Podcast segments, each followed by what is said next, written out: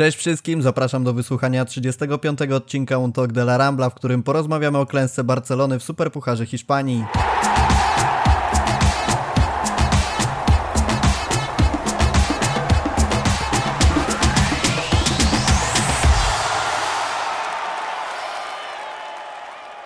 Tegorocznej edycji Superpucharu Barcelona na pewno nie może uznać za udaną, ponieważ jak wiemy w finale została pokonana przez drużynę Atletiku i tym samym przekreśliła pierwsze szanse na trofeum w tym sezonie.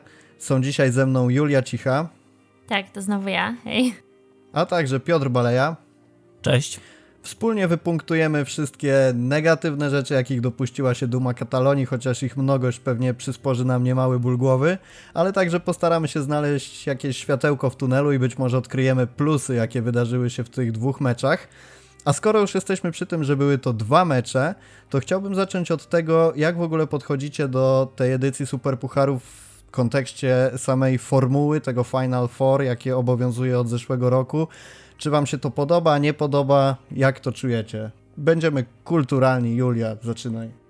Ja jestem w tym obozie, który jest zdecydowanie na nie. Już się obraziłam na Super Puchar nawet dwa lata temu, bo kiedy pojechałam do Barcelony właśnie latem na dłużej, to mi przenieśli pojedynczy jeszcze mecz, ale przenieśli mi go do Maroka. Także to był, to był pierwszy raz, kiedy miałam okazję być na Superpucharze i pierwszy raz, kiedy zrobili to z pewnością celowo. No a potem było już, już tylko gorzej, bo nie mecz, tylko dwa mecze. Rok temu mecz, bo odpadliśmy szybciej, no ale i nie e, Maroko, tylko Arabia Saudyjska, co tutaj ponownie tylko raz, bo pandemia.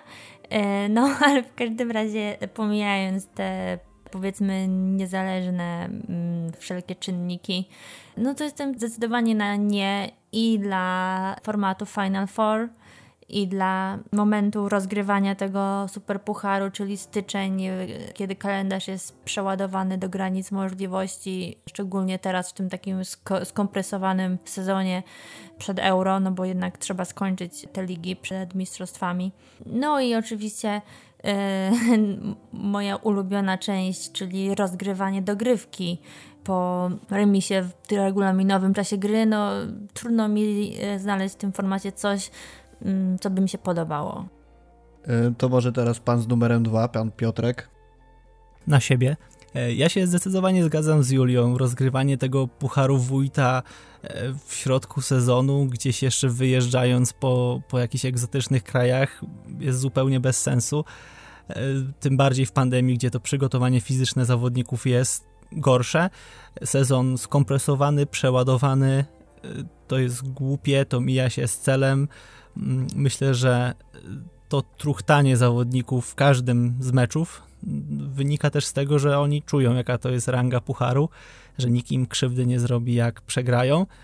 I dlatego no, wyglądało to też jak, jak wyglądało, ale no, zgadzam się w 100%, że powinniśmy wrócić do poprzedniej formuły. Jeden mecz przed sezonem, rekreacyjnie, jeszcze troszeczkę plażowo, ale to też miało swój smak. Ja tylko dodam, nie wiem czy Piotrek też, ale ja zdecydowanie tutaj uprzedzając komentatorów i hejterów, takie samo zdanie miałam też przed przegranym finałem. To nie jest jak najbardziej uzależnione od tego, że Superpuchar Hiszpanii staje się meczem o złote kalesony Sołtysa w momencie, w którym go przegrywamy.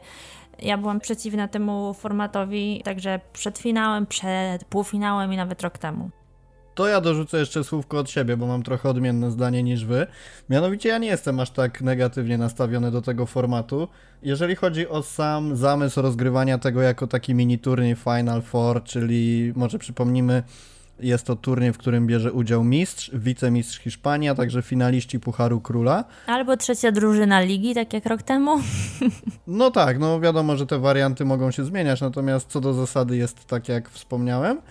I szczerze mówiąc, ten pomysł nie jest aż tak rażący, jeżeli chodzi o samą organizację, natomiast to, co mnie boli w tym wszystkim najbardziej, to jedna rzecz, która nie doszła w tym roku do skutku, czyli wynoszenie tego turnieju poza Hiszpanię, bo uważam, że jeżeli jest to super puchar Hiszpanii, to przenoszenie tego do, do Arabii jest pozbawione jakiegokolwiek sensu, jeżeli chodzi o klimat sportowy. Oczywiście wiemy, dlaczego to jest zrobione i, i to, że trzeba podpromować El Clasico, zarobić pieniążki, Oczywiście El Clasico nie doszło do skutku ani w tym, ani w zeszłym roku, natomiast zamysł jest oczywiście taki.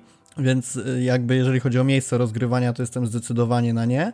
Podobnie tak jak wy jestem na nie, jeżeli chodzi o moment rozgrywania tego turnieju, czyli styczeń jest miesiącem z jednej strony po takim trudnym okresie tych świąt, gdzie te drużyny wracają tak naprawdę do dobrej formy, a jednocześnie przed napiętym harmonogramem na wiosnę, więc wciskanie tutaj takiego turnieju też nie jest moim zdaniem najlepszym pomysłem. Natomiast tak jak mówię, same cztery drużyny, nawet bym powiedział, że byłyby spoko, jeżeli byłoby to rozgrywane powiedzmy w okresie przedsezonowym. Natomiast nie zgadzam się co do tego też, że jest to tak jak się wielokrotnie powtarzało przed tym turniejem, puchar myszki Miki, puchar wójta, puchar gminy jakiejś tam. Uważam, że jeżeli już doszło do takich zmian, jakie możemy zaobserwować, to zdecydowanie nie powinniśmy do tego podchodzić na zasadzie odpuszczania, czy też jak to się przewijało w komentarzach, wystawienia rezerwowego składu, a jeżeli odpadniemy w półfinale, to nic się nie stanie. Uważam, że na poziomie reprezentowanym przez Barcelonę, a raczej poziomu, do jakiego chce aspirować Barcelona, powinno być to traktowane jak najbardziej poważnie, bez odpuszczania. Oczywiście też proporcjonalnie do tego, na ile starczy zawodnikom sił, natomiast nie zgadzam się z tym, że powinni być wystawiani na przykład zawodnicy, 11 zawodników rezerwowych albo, albo jakichś młodzieżowych, żeby tylko to odbębnić, bo też z drugiej strony jest to absolutny brak szacunku do, do przeciwników, którzy się nastawiają na to na 100%, co widzieliśmy po grze Atletiku, to jest jedna rzecz. Druga rzecz, o której sobie jeszcze pewnie powiemy, ale że jest to dobry moment, żeby wzrosły morale drużyny. No, dlaczego sobie o tym powiemy, to doskonale wiemy. Natomiast tak podsumowując trochę to, o co mi chodzi, to mam wrażenie, że dużo osób traktuje ten turniej na zasadzie Mm, tak mówiąc trochę merytorycznie, jeżeli zauważy 10 zł na ulicy, to się nie schylę, bo nie warto, skoro za rogiem może czekać stuwa w postaci Ligi Mistrzów. No moim zdaniem nie powinniśmy do tego tak podchodzić. Ale to też myślę, zostawmy naszym słuchaczom do skomentowania, co oni sądzą, chociaż mniej więcej już wiemy, jakie panują nastroje wśród kibiców. Ale też przede wszystkim wydaje mi się, że trzeba podkreślić, pogratulować e, Atletikowi, bo to tak, prawda, tak, tak, że nawet jeśli powiedzmy nie, niektórzy fani Barcelony czy, czy Realu trochę deprecjonują ten, ten super puchar, no to dla Atletiku to jest ogromny sukces i jak najbardziej trofeum zasłużone, pierwsze trofeum bodajże od prawie 6 lat, tak? Od tego mm, super pucharu zdobytego za czasów Balverde jeszcze.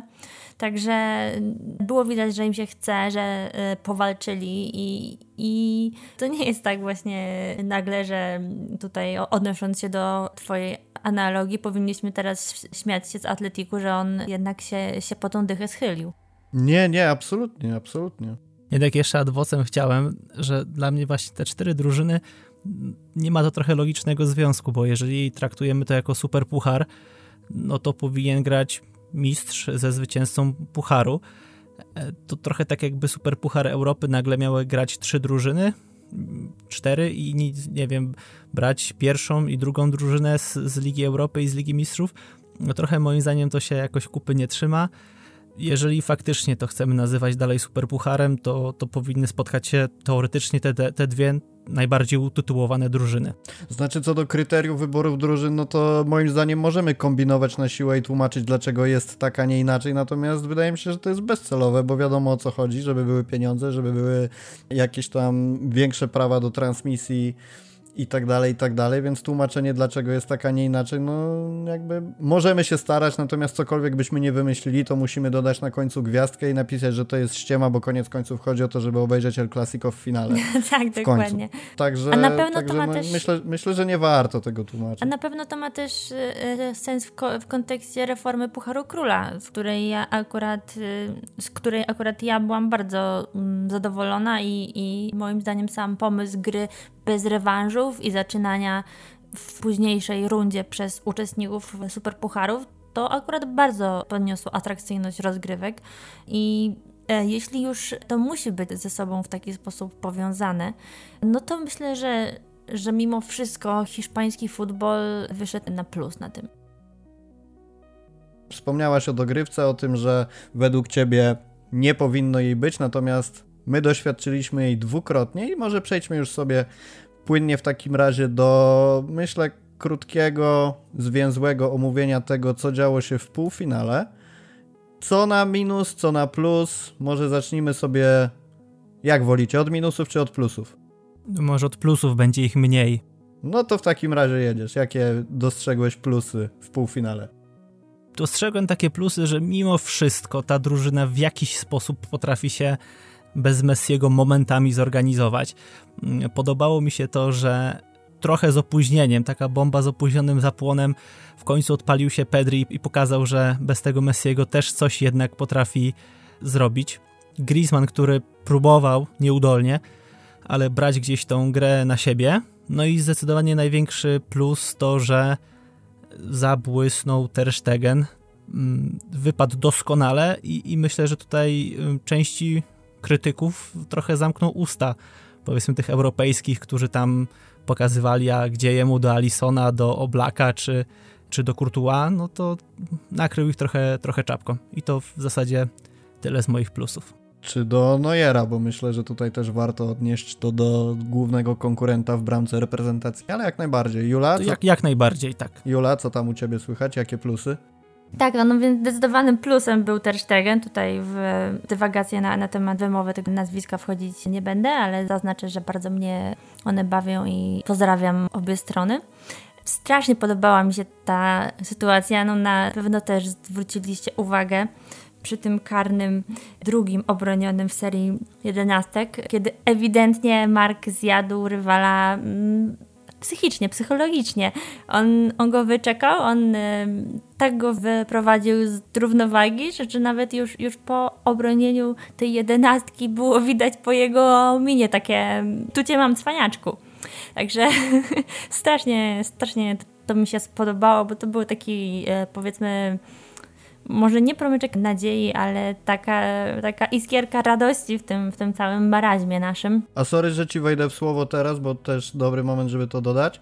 Karnego, którego obronił Ter Stegen, strzelał Oyarzabal i jednocześnie nasz bramkarz przerwał jego serię 17 udanych strzelonych jedenastek, więc też nie jest to tak, że podszedł ktoś po kroju Bright White'a, który cztery ostatnie zmarnował, tylko rzeczywiście gość, który wie jak strzelać z jedenastek. Si, senior. I tutaj chciałabym też właśnie poniekąd zauważyć, jak bardzo też ten bywa niedoceniany, bo wiadomo, że, że on ma swoje e, minusy, ale e, mimo to przygnęła już trochę do niego ta łatka kapitana bez opaski, z czym ja się całkowicie zgadzam. I też ostatnio przetłumaczyłam bardzo ciekawy tekst e, na jego temat, także polecam zajrzeć. Tam jest bardzo dużo o tym, jak on żyje piłką, będąc w pracy, w cudzysłowie a w domu już wcale niekoniecznie zajmuje się ogrodnictwem, graniem w szachy, także wydaje mi się, że to może być bardzo sympatyczny człowiek też. To jeszcze ja dorzucę słówko odnośnie Terstegena, bo też oczywiście zapisałem go w tej części, gdzie wymieniałem sobie plusy w notatkach. Nie wiem, czy zwróciliście na to uwagę, mi się to bardzo rzuciło w oczy w momencie, jak e, Real Sociedad wykonywał jeden z rzutów wolnych i Ter Stegen ustawiał zawodników w murze. On tam coś krzyczał na zasadzie, że musi do muru stanąć dwóch, ktoś tam się nie chciał chyba pianić, e, przysunąć do tego muru, nieważne jakaż taka sytuacja była.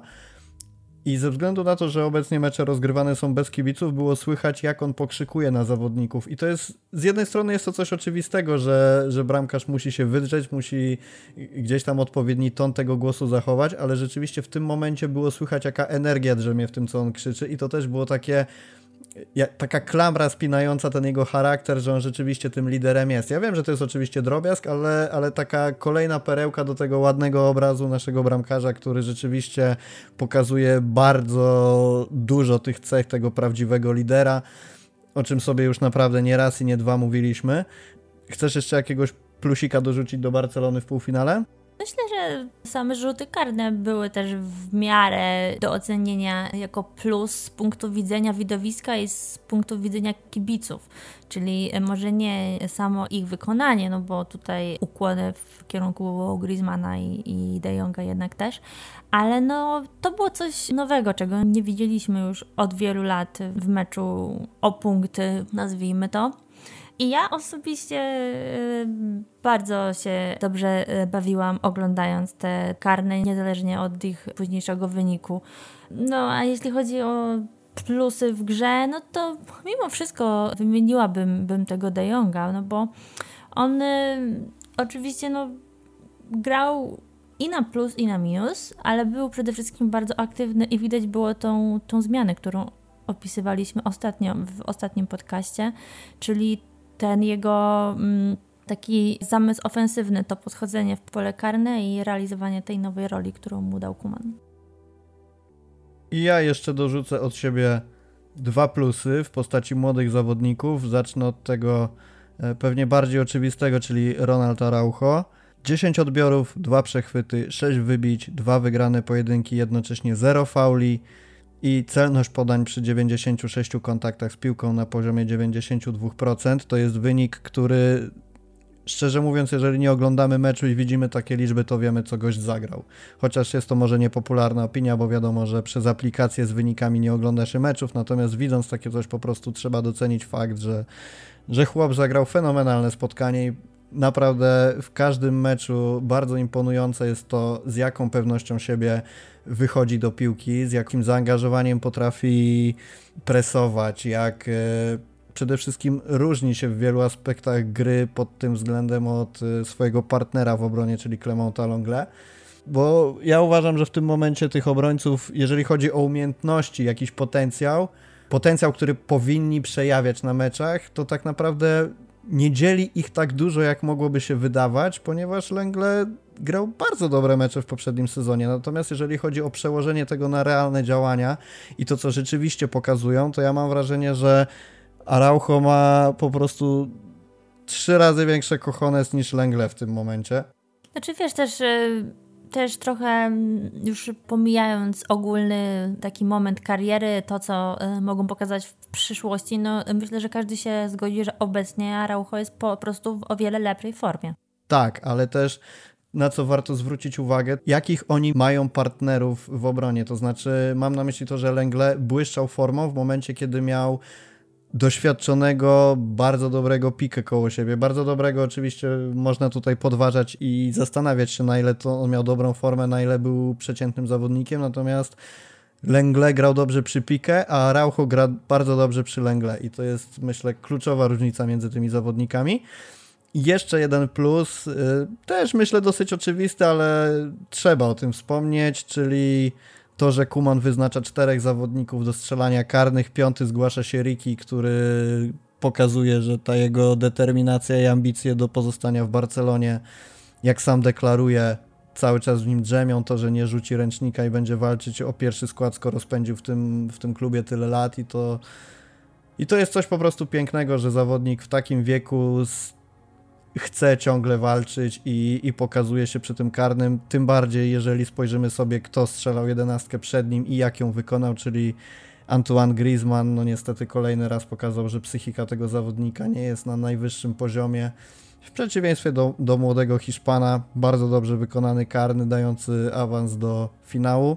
Natomiast musimy sobie też niestety powiedzieć o rzeczach bardziej przykrych, czyli o minusach. Oczywiście z perspektywy czasu być może te minusy nie są aż tak istotne, skoro do tego finału awansowaliśmy, natomiast wspomnijmy sobie o tym, co najbardziej raziło Was po oczach w tym półfinale. Może Piotrek? Dla mnie te minusy są mniejsze po tym, jak zobaczyłem, co się działo w meczu z Bilbao. Co do minusów, no to one się na pewno powielą z tymi finałowymi, ale katastrofalnie niski pressing. Barcelona nie potrafiła jakoś zaatakować wyżej. Była cały czas ściśnięta gdzieś w obronie, to rozegranie mocno szwankowało. Nie, nie było jakiegoś takiego mm, logicznego pomysłu, co, co zrobić z piłką. Mm, na pewno Jordi Alba, który z tego co pamiętam, gdzieś tam, gdzieś tam się też kilka razy zawieruszył. Jakoś zdecydowanie nie jest w formie, jeżeli chodzi przynajmniej o defensywę. I ogólny taki obraz gry było dużo chaosu, brak pomysłu trochę na tą, na tą grę tak Barcelona wyglądała jak no, za, jakby ją prowadził Jerzy Brzęczek, który wypuszcza reprezentację, rzuca piłkę i mówi grajcie chłopaki. Nie podobało mi się to, to wyglądało tak jakby wyszli bez mm, jakichś większych założeń taktycznych. No tutaj był taki plus, że to wyglądało trochę jak ustawienie 4-3-3, może głównie dlatego, że Bright White gdzieś trzymał się tego, tego środka, próbował grać tą dziewiątkę, ale no, no nie, tak, tak wychodząc na jakiegoś poważnego rywala, powiedzmy PSG, myślę, że możemy być bardzo szybko skarceni, bo no, tam siła rażenia jest zdecydowanie większa. Jula, a jak tam u ciebie? No ja myślę, że z wieloma rzeczami się mogłabym zgodzić. Też z pewnością stosunkowo nie, niewielka liczba groźnych akcji ofensywnych jest, jest problemem Barcelony i to nie od dziś. A jednak e, mimo wszystko w półfinale było ich o wiele więcej niż w e, finale, gdzie myśmy oddali, ja wiem, 8 strzałów może przez e, te 120 minut, co jest dla mnie czymś zupełnie niebywałym. No i... W finale oddaliśmy tak, tak, tak, 10 tak. strzałów, 4 celne. No, no to, to byłam całkiem blisko. 8-10 strzałów, no jak strzał na 12 minut, no to jest y, katastrofa, szczególnie biorąc pod uwagę posiadanie piłki Barcelony. Ale no też nie ma co się nad tym półfinałem pastwić, bo przynajmniej ja obecnie patrzę na niego z perspektywy finału i ten y, mecz teraz się wcale nie wydaje taki najgorszy. Mówimy sobie tutaj o tym, że Barcelona miała okazję, Barcelona strzelała, bo pamiętam, że tam Dembele, Pedri próbowali, Brightwhite gdzieś tam lewą nogą po koźle próbował strzelić i tak dalej, i tak dalej. I to jest coś, czego mi brakuje od początku sezonu, czyli skuteczność. Barcelona ma okazję, ma lub nie ma, ale jeżeli ma, to nadal jest problem z wykorzystywaniem tego i potencjał, jaki jest w ataku, jest bliski zeru momentami, bo ja mam wrażenie, że większość tych bramek, jakie wpada dla Barcelony, to nie są jakieś wypracowane akcje po ładnych, składnych zagraniach, że nie jest to efekt jakiejś super przemyślanej taktyki, tylko za którymś razem po prostu jak Alba wrzuca, to gdzieś tam kogoś trafi ta piłka w głowę, tym razem trafiła De Jonga. Oczywiście bardzo ładny gol De Jonga, Natomiast ja nie mam takiego przekonania oglądając te mecze, że Barcelona ma jakiś plan na nie. Wiesz, ja, nie wiem, ja przeczytałam mną... bardzo fajny, mm, fajny tweet, co, co prawda to było o finale, ale myślę, że do półfinału tak samo się może odnieść, że dwa gole Barcelony w finale to było jakby ktoś po raz pierwszy grał w FIFA, przyciskał randomowe y, przyciski i nagle by z tego wpadły dwie bramki i tyle tak naprawdę. Tak, tak, tak. No ja dokładnie o tym mówię, że jeżeli sobie spojrzymy nawet, może przejdźmy już y, od razu w takim razie do finału. Y, jeżeli sobie spojrzymy tak całościowo na to, na obraz gry Barcelony i Atletiku w tym y, niedzielnym spotkaniu, to nawet nie zagłębiając się specjalnie w taktykę, po prostu oglądając niedzielny kibic siada przed telewizorem, to ja widzę jedną drużynę, która gdzieś chaotycznie próbuje coś zrobić, gdzie ci zawodnicy przemieszczają się niby między liniami, ale to jest takie bardzo chaotyczne, bardzo niepoukładane, a z drugiej strony jest Atletik i co by nie mówić, bo oczywiście gra Atletiku mogła się podobać, mogła się nie podobać. Możemy sobie mówić, że po trupach do celu albo że dobrze przygotowana taktyka. Nieważne. Było po nich widać, że wyszli na boisko i wiedzą, co chcą zrobić. Jak ja oglądałem piłkarzy Barcelony, to miałem wrażenie, że no tak, powiedzmy, De Jong wiedział, że musi być ambitny i, i, i, musi walczyć i musi gryźć trawę, ale z drugiej strony gdzieś był Pedri, który był dobrze przykryty i nie bardzo wiedział, co z tym ma zrobić. Gdzieś tam, powiedzmy, na tej prawej stronie y, był Dembele, który próbował dryblować, próbował się przebijać przez te zasieki obronne zawodników Atletiku, ale gdzieś mu to nie do końca wychodziło. Brak konkretów i, i brak jakiegoś takiego poukładanego schematu gry. Natomiast, no dobra, oddam wam głos może, zanim się tutaj będę produkować z tym, co zadecydowało o porażce Barsy, to, to wy mi powiedzcie. Co było takie kluczowe w tym, że nie podnieśliśmy pucharu? Moim zdaniem brak skrzydeł jakichkolwiek. Zauważcie, że jak Dembele przeszedł na stronę lewą i była jakaś asekuracja, było jakieś wymienianie, było dwóch zawodników, którzy groźnie potrafią zaatakować, no to z tego skrzydła przeciągu tam kilku czy kilkunastu minut były dwie groźne akcje, z czego jedna zakończyła się e, bramką, więc tutaj zdecydowanie skrzydła. No, nominalnie na lewym skrzydle był Griezmann, który tam chyba nie pojawił się przez cały mecz. Dembele mm, zupełnie nie istniał, Alba zjedzony był, gdzieś był w tym, przez... W, w, tym meczu jednak desygnow... desygnowany. Mm, tak, on był bardziej, bardziej tam skrzydło, znaczy teoretycznie na, tak jak mówię, na grafice e, to było pokazane, ale w każdym razie boczni obrońcy Atletiku zjedli zarówno e, zarówno Dembele, jak i Albę. Tutaj byłem trochę zaskoczony tym, że mm, Dest był bardzo mało aktywny, jeżeli chodzi o ofensywę. On początek miał całkiem niezły, bo zaliczył dwa, trzy dobre, dobre odbiory. Ja tutaj liczyłem na tą fajną współpracę. Coś, czego mi brakowało w meczu e, Sociedad, bo jak wiadomo Mingeza no, nie jest zawodnikiem, który gdzieś który gdzieś będzie próbował e, akcji ofensywnych i liczyłem, że on gdzieś, gdzieś tu wyjdzie, coś pociągnie, właśnie trochę się wymieni z, z Dembele, a nie było nic. Dodatkowo Francuz był ustawiony dramatycznie nisko. On bardzo często cofał się, tak jak e, rozmawialiśmy na czacie, śmiałem się, że on praktycznie z destem chodzi za, za rękę w pierwszej połowie. I trochę tego nie rozumiałem, dlaczego tak, tak nisko to wygląda. To ustawienie też nie miało wiele wspólnego z tym e, teoretycznie wyjściowym 4-3-3. To często było jakieś 4-5-1, ewentualnie 4-4-2 i to w takim wariancie, że Pedri wychodził razem z Messi trochę wyżej, więc, więc tutaj te, te skrzydła nie, nie funkcjonowały. Problemem też bardzo dużym jest wyprowadzanie piłki od tyłu, z pola karnego. Piqué jest w tym mistrzem. Lata mijają i moim zdaniem mm, on dalej robi to bardzo dobrze. Może zdarzają mu się błędy w obronie, ale w wyprowadzaniu piłki w takim pierwszym rozegraniu jest naprawdę dobry. A nie potrafi tego robić niestety Longle. Araujo mam nadzieję, że się tego nauczy i wtedy będzie obrońcą kompletnym, chociaż ten mecz zaliczyłbym mu no raczej minus, bo było kilka takich poważnych sytuacji, gdzie, gdzie mocno, mocno zawalił, ale też może o tym za chwilę. W każdym razie, no tutaj moim zdaniem te dwie, dwie przyczyny sprawiły, że nie było akcji, nie było, e, nie było tej płynności w naszej grze i pojawiał się chaos, bo były próby szukania rozwiązań, które zwyczajnie nie miały prawa się udać. To zanim Jula do ciebie przejdę, to jeszcze dopowiem o tych skrzydłach. Zaczęliśmy od tego, że na lewym skrzydle grał Alba i teoretycznie Griezmann, na prawym grał Dest i Dembele. I teraz na lewej stronie, jeżeli mamy wysoko grającego Albę, to Griezmann gdzieś tam sobie przechodził do środka. I teraz jeżeli sobie zerkniecie na to, jakie były średnie, uśrednione pozycje zawodników, to zobaczycie, że większość z naszych piłkarzy było ustawionych w okolicach koła środkowego. To znaczy gdzieś tam wyżej tego koła środkowego był Messi, trochę niżej był De Jong z Pedrim, jeszcze gdzieś pomiędzy krzątał się yy, Griezmann właśnie. W związku z tym Alba był na tej lewej sam, a w momencie, jeżeli Griezmann już rzeczywiście przechodził na tę lewą stronę, to wychodziły wszystkie jego braki, jakie pokazywał za poprzednich trenerów grając na lewej stronie. To znaczy brak szybkości, brak driblingu i to, że prawą nogą z daleka na pewno nie uderzy. Natomiast jeżeli chodzi o prawą stronę, mamy Desta i Dembele, czyli ja tak zrozumiałem to, co zrobił Kuman.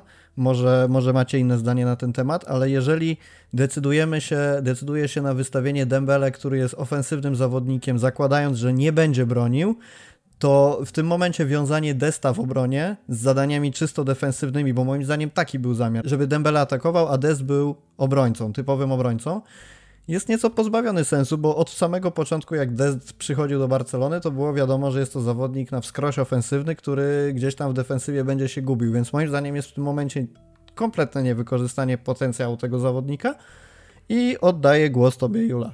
Ja myślę, że ta lista którą wy wymieniliście, jest w większości trafna, ale sama też bym dodała parę elementów. Śmiało. Przy, przy, ależ dziękuję, nie będę się krępować. Myślę przede wszystkim Kuman przegrał ten mecz taktycznie z Marcelino. Czyli nie przewidział do końca tego, co, co zrobi Atletik, jakim pressingiem zagra, jak będzie potrafił zarówno zamknąć się na własnej połowie i nie grać nic, co pokazał w końcówce, no ale to w zasadzie chwali się też ale też y, pokazał, że umie bardzo dobrze zaatakować, że umie wykorzystać stałe fragmenty gry. I też w kwestii Kumana y, zmiany. To mnie strasznie po prostu mm, zabolało, zaczynając od y, posadzenia na trybunach wychowanków, tak? czyli Moriby i, i Conrada de la Fuente których e, ciągnął do Sewilli w zasadzie nie wiadomo po co, chyba po to, żeby na ławce rezerwowych usiadło dwóch bramkarzy i żeby mogli, nie wiem, klaskać. I no, hitem były te zmiany w minucie bodajże 87, tak? Czyli ściągnięcie Dembele, ściągnięcie Pedriego, wprowadzenie Pianicia i Bright White'a bodajże, jeśli się e, nie tak, mylę. Tak, tak, tak, tak. No tak, więc no, to jest, ja, okej, okay, rozumiem, no to, to już skoro, skoro chciał dowieść wynik, to mógł wprowadzić Umtitiego i nie krępować się a może akurat by, by właśnie dowieźli. No ale to jest straszny strzał w stopę robić takie zmiany, kiedy wiesz, że jak stracisz gola, to mecz nie zakończy się remisem, tylko będzie dogrywka i że ci, których wprowadzasz, będą musieli przez kolejne pół godziny biegać i teoretycznie kreować zagrożenie pod bramką. No, rozumiem ściągnięcie Pedriego, co powinno było nastąpić wcześniej, moim zdaniem, bo on, tak jak też rozmawialiśmy między sobą, to jest bardzo młody piłkarz, no i zdarzają się mu gorsze mecze, a on ma już na koncie około 1500 minut w tym sezonie, co jest bardzo, bardzo dużą liczbą, jak na 18-latka i to w Barcelonie i jest moim zdaniem po prostu zmęczony, więc trzeba było go ściągnąć. Trzeba było w, nie wiem, po godzinie dać tego, tego Rickiego i nawet gdyby sobie nie poradził, to zawsze by przy, przynajmniej hejterzy mogli przyklasnąć, że tak, Puć się nie nadaje na taczkę z nim i do wiem, Betisu czy tam do innego Hetafe. Także tutaj e, moim zdaniem Kuman duży minus tak jak wspomnieliście, skrzydła, ale też to, co zwróciło moją uwagę, to, to brak koncentracji po raz kolejny. To jest e, naprawdę niesamowite, jak e, piłkarze na takim poziomie, grający od tylu lat za takie pieniądze, są w stanie tak strasznie się rozkojarzać, kiedy o potrzebie koncentracji mówią wszyscy, od trenera na konferencji prasowej po nawet Bravo Sport. E, myślę, że dałoby radę to ogarnąć. No ale tracenie bramki, takiej jak ta pierwsza w finale, czyli od razu minutę po strzeleniu gola, tak, Alba gdzieś tam z głową w chmurach świętuje asystę. Koledzy też nie za bardzo mu pomogli. No i nie wiem, no jak już coś zaczyna nawet funkcjonować w ataku, czy to przypadkowo, czy nie, no u Jordiego to się zgodzę z tobą, Rafał, że on ma jedno zagranie i ono zaskakująco często wpada, aż po prostu teorię prawdopodobieństwa by bym musiała przetestować na tym, bo yy, to jest niesamowite, jak to jedno dośrodkowanie zazwyczaj do Messiego, jak często z tego się, się rodzą asysty, no ale on sam później zawalił praktycznie dwa gole, bo przy drugim złamał linię spalonego. A trzecia bramka, no to już było kunszt, powiedzmy, Williamsa, tak? I, i trze, trzeba mu bić brawa za to, ale też ktoś go tam pod to pole karne dopuścił. I takie przysypianie momentami dziwne, właśnie jakieś skupianie się na czymś zupełnie innym, to, to jest dla mnie kompletnie niezrozumiałe, bo nie oglądaliśmy tego zbyt często w, w poprzednich latach. Tak, chciałbym jeszcze dodać e, jedną rzecz, bo tutaj Julka o tym wspomniała, chciałbym to, to rozwinąć. Mianowicie taki brak zdecydowania w pressingu, nawet na własnej połowie, co, co jest w ogóle karygodne. Przy bramce na 1-0 mm, Iñaki Williams teoretycznie powinien być zaatakowany najpierw przez Desta, który popatrzył się na niego z odległości półtora metra i nie zrobił nic. Na 1-1. Mm, tak, na 1-1, przepraszam. Następnie to samo zrobił Araujo, i poszło to dośrodkowanie, Alba, to już było wspomniane, głowa w chmurach e, i mamy 1-1. Później to samo się dzieje przy bramce na, na 3-2, przy tym golazo. No, Williams miał tyle miejsca, że no, tam spokojnie by zmieścił, nie wiem, łóżko i, i szafę jeszcze, żeby się później po tej bramce elegancko rozłożyć. No nie można takich, takich rzeczy tutaj robić. Zresztą tak było dużo częściej, że gdzieś, gdzieś ci zawodnicy Mm, nie potrafili e, zrobić porządnego krycia. E, też sytuacja, gdzie Araujo wybijał piłkę gdzieś na 15 metr i wybił ją centralnie pod nogi Williamsa. Raz, że błąd Araujo, dwa, no dlaczego nikt go nie krył, jak stoi wyborowy strzelec na 15 metrze i nikt faceta nie kryje i idzie taki strzał, że gdyby to poszło w bramkę, to Ter Stegen by chyba mrugnąć nawet nie zdążył, a co dopiero mówić o jakiejkolwiek reakcji. Więc no tutaj bardzo wiele elementów nie zadziałało. To ja jeszcze słówko wrócę do zmian. Julia powiedziała o tych zmianach w 87 czy 88 minucie, że były nietrafione. Ja uważam, że jeżeli Pedri miałby schodzić z boiska, to albo wcześniej, albo wcale, bo tak naprawdę fizycznie dałby radę, uważam, jeszcze te 3-4 minuty dograć, a być może jakiś element takiego zaskoczenia, jego przytrzymania piłki, dryblingu po pomógłby Barcelonie utrzymać się przy piłce, a wprowadzenie za niego Pianicia, który jest zdecydowanie pod formą i nie prezentuje nic ciekawego, a co ważne, fizycznie wygląda po prostu bardzo słabo, bo on nie ma ani szybkości, ani jakiegoś specjalnego przyspieszenia za zawodnikami. Uważam, że wprowadzenie go w momencie, kiedy wiadomo, że Atletik będzie naciskać, moim zdaniem średni pomysł. Natomiast to, co się stało w 105 minucie i wprowadzenie Trincao, to jest po prostu coś, co zaczyna mi powoli przypominać wprowadzanie Andrego Mesza w niektórych meczach, ponieważ Portugalczyk jest po prostu beznadziejnym jak na ten moment transferem, który nic nie wnosi. Jeżeli dobrze pamiętam, to w tym niedzielnym finale zaliczył cztery kontakty z piłką. Ale ja 100% rozum, ja rozumiem oczywiście, podań. Super, mógłby mieć nawet 150. Życzę mu tego z całego serca. Tylko, że nadal to kompletnie nic nie wnosi do gry. Więc jakby upieranie się Kumana przy wprowadzaniu Portugalczyka na boisko jest już po prostu żenujące, tym bardziej, że naprawdę to, to nie chodzi o to, że jakoś ciężko byłoby przeskoczyć poziom, jaki on prezentuje. To ja ci tylko od razu tutaj e, wejdę w słowo w kwestii Trincao. No, dla mnie tutaj odpowiedź na pytanie, dlaczego on, on wszedł e, na boisko jest, jest jasna. No, spójrz na ławkę rezerwowych. Kto miał wejść? E, miał wejść Neto? Miał wejść trzeci bramkarz miał wejść Umtiti czy może Mingesa, bo to, to po, po prostu jest śmiech na sali, ale tak wygląda nasza ławka i Trincao był absolutnie ostatnią opcją ofensywną. Mingeza nie mógłby wejść, bo wszedł w 46 za A, Desta. tak, sorry, no. no ale sama powiedziałaś, że Firpo. trybunę został wysłany Konrad. Wiesz co, szczerze mówiąc, to czy pojawiłby się tam Firpo czy Trincao, to jest już mi kompletnie obojętne, bo jeden i drugi Firpo przynajmniej ma dwie poziom. nogi, ale, ale żadną z nich nie umie grać, więc... Yy, Okej, okay. no, dobrze, przejdźmy w takim razie do jeszcze jednej rzeczy, o, której, o którą chciałbym was zapytać. To znaczy, jak e, oceniacie podejście Atletiku do tego meczu? To znaczy, mam na myśli to, że byli brutalni, byli agresywni, walczyli o każdy centymetr boiska w niekoniecznie fair sposób i jak oceniacie postawę sędziego w tym wszystkim? No, mieć zarzuty do, do Atletiku, dlatego że walczyli, że im się chciało grać w piłkę e, i byli trochę bardziej brutalni. No, to, to nie jest piłka, piłka nożna nie jest grą dla, e, dla, jakich, dla mięczaków, jak wielu może uważa. Jest to sport e, mimo wszystko dość ostry i kontaktowy, więc tutaj specjalnie bym się jakoś na ten atletik nie obrażał. Gorzej z sędzią, który no, trochę widział tylko w jedną stronę, tak? Zauważył i słusznie e, brutalne zachowanie Messiego, a nie widział prowokacji, nie widział e, tych szczypnięć, popchnięć, ciągnięcia za koszulkę, e, chociażby jakiego doznawał De Jong.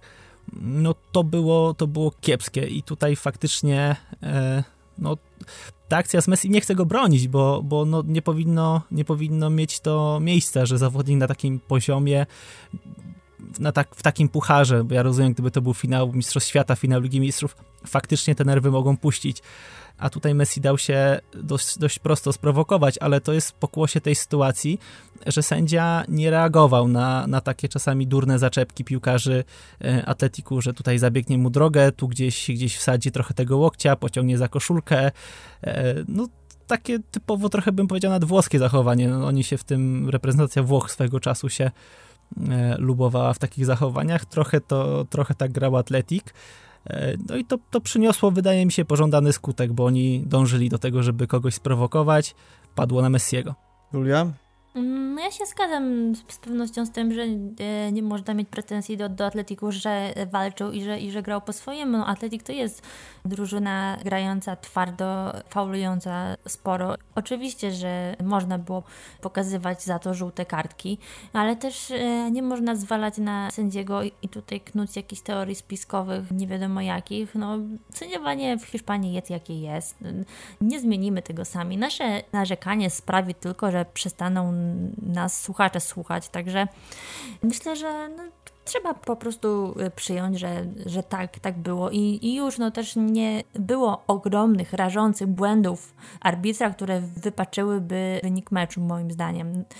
A co do kartki Messiego, to tutaj dla mnie sprawa jest raczej jasna. No, oczywista czerwona kartka. Messi się zagotował, był, był bezsilny, było to głupie. Teraz go zawieszą na dwa mecze, a nie na cztery, ale z jednej strony taki mały plusik, to że przynajmniej pokazał, że mu zależy i że, że jest w pewien sposób sfrustrowany tym, co się dzieje na boisku. Oczywiście uderzenie rywala to nie jest najlepszy sposób, żeby to pokazać, ale no należało mu się, dostał kartkę. Obie mam nadzieję, też dostał od y, trenera, bo jeśli nie, to po co nam, nam taki trener? No i w zasadzie dla mnie sędziowania to jest tyle. To w takim razie słowem jeszcze na koniec, żeby nie kończyć tego podcastu w bardzo negatywnej atmosferze. Jakieś plusy w tego finału? Brak kontuzji. E, zdecydowanie tak. E, na przykład to, że jeżeli gramy skrzydłami, to to już wychodzi i powinniśmy się skupić na pozyskaniu latem jakościowego lewego skrzydłowego, ewentualnie prawego skrzydłowego i wtedy, wtedy Dembele na tą lewą stronę, bo on też tam sobie jakoś radzi, potrafi e, fajnie grać z Albą, więc ja wiem, że mamy niedostatek na wielu pozycjach, ale tutaj ten mecz nam gdzieś to e, unaocznił.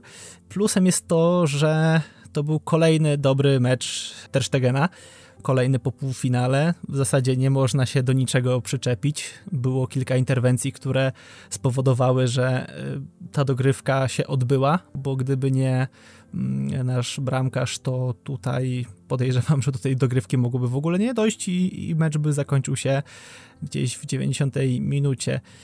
I to chyba tyle, bo ciężko jest mi kogokolwiek z pola jakoś, e, jakoś wyróżnić. No, Griezmann strzelił co prawda dwie bramki, ale tak, żeby całokształtowo jakoś go wyróżnić, to chyba nie, bo ta pierwsza to był przypadek, druga no to byłby grzech, gdyby nie strzelił, miał sytuację na, na hat-tricka i no, trafił prawą nogą, a podejrzewam, że on tą prawą nogą to nawet do tramwaju nie wsiada albo do samochodu, bo też by nie trafił.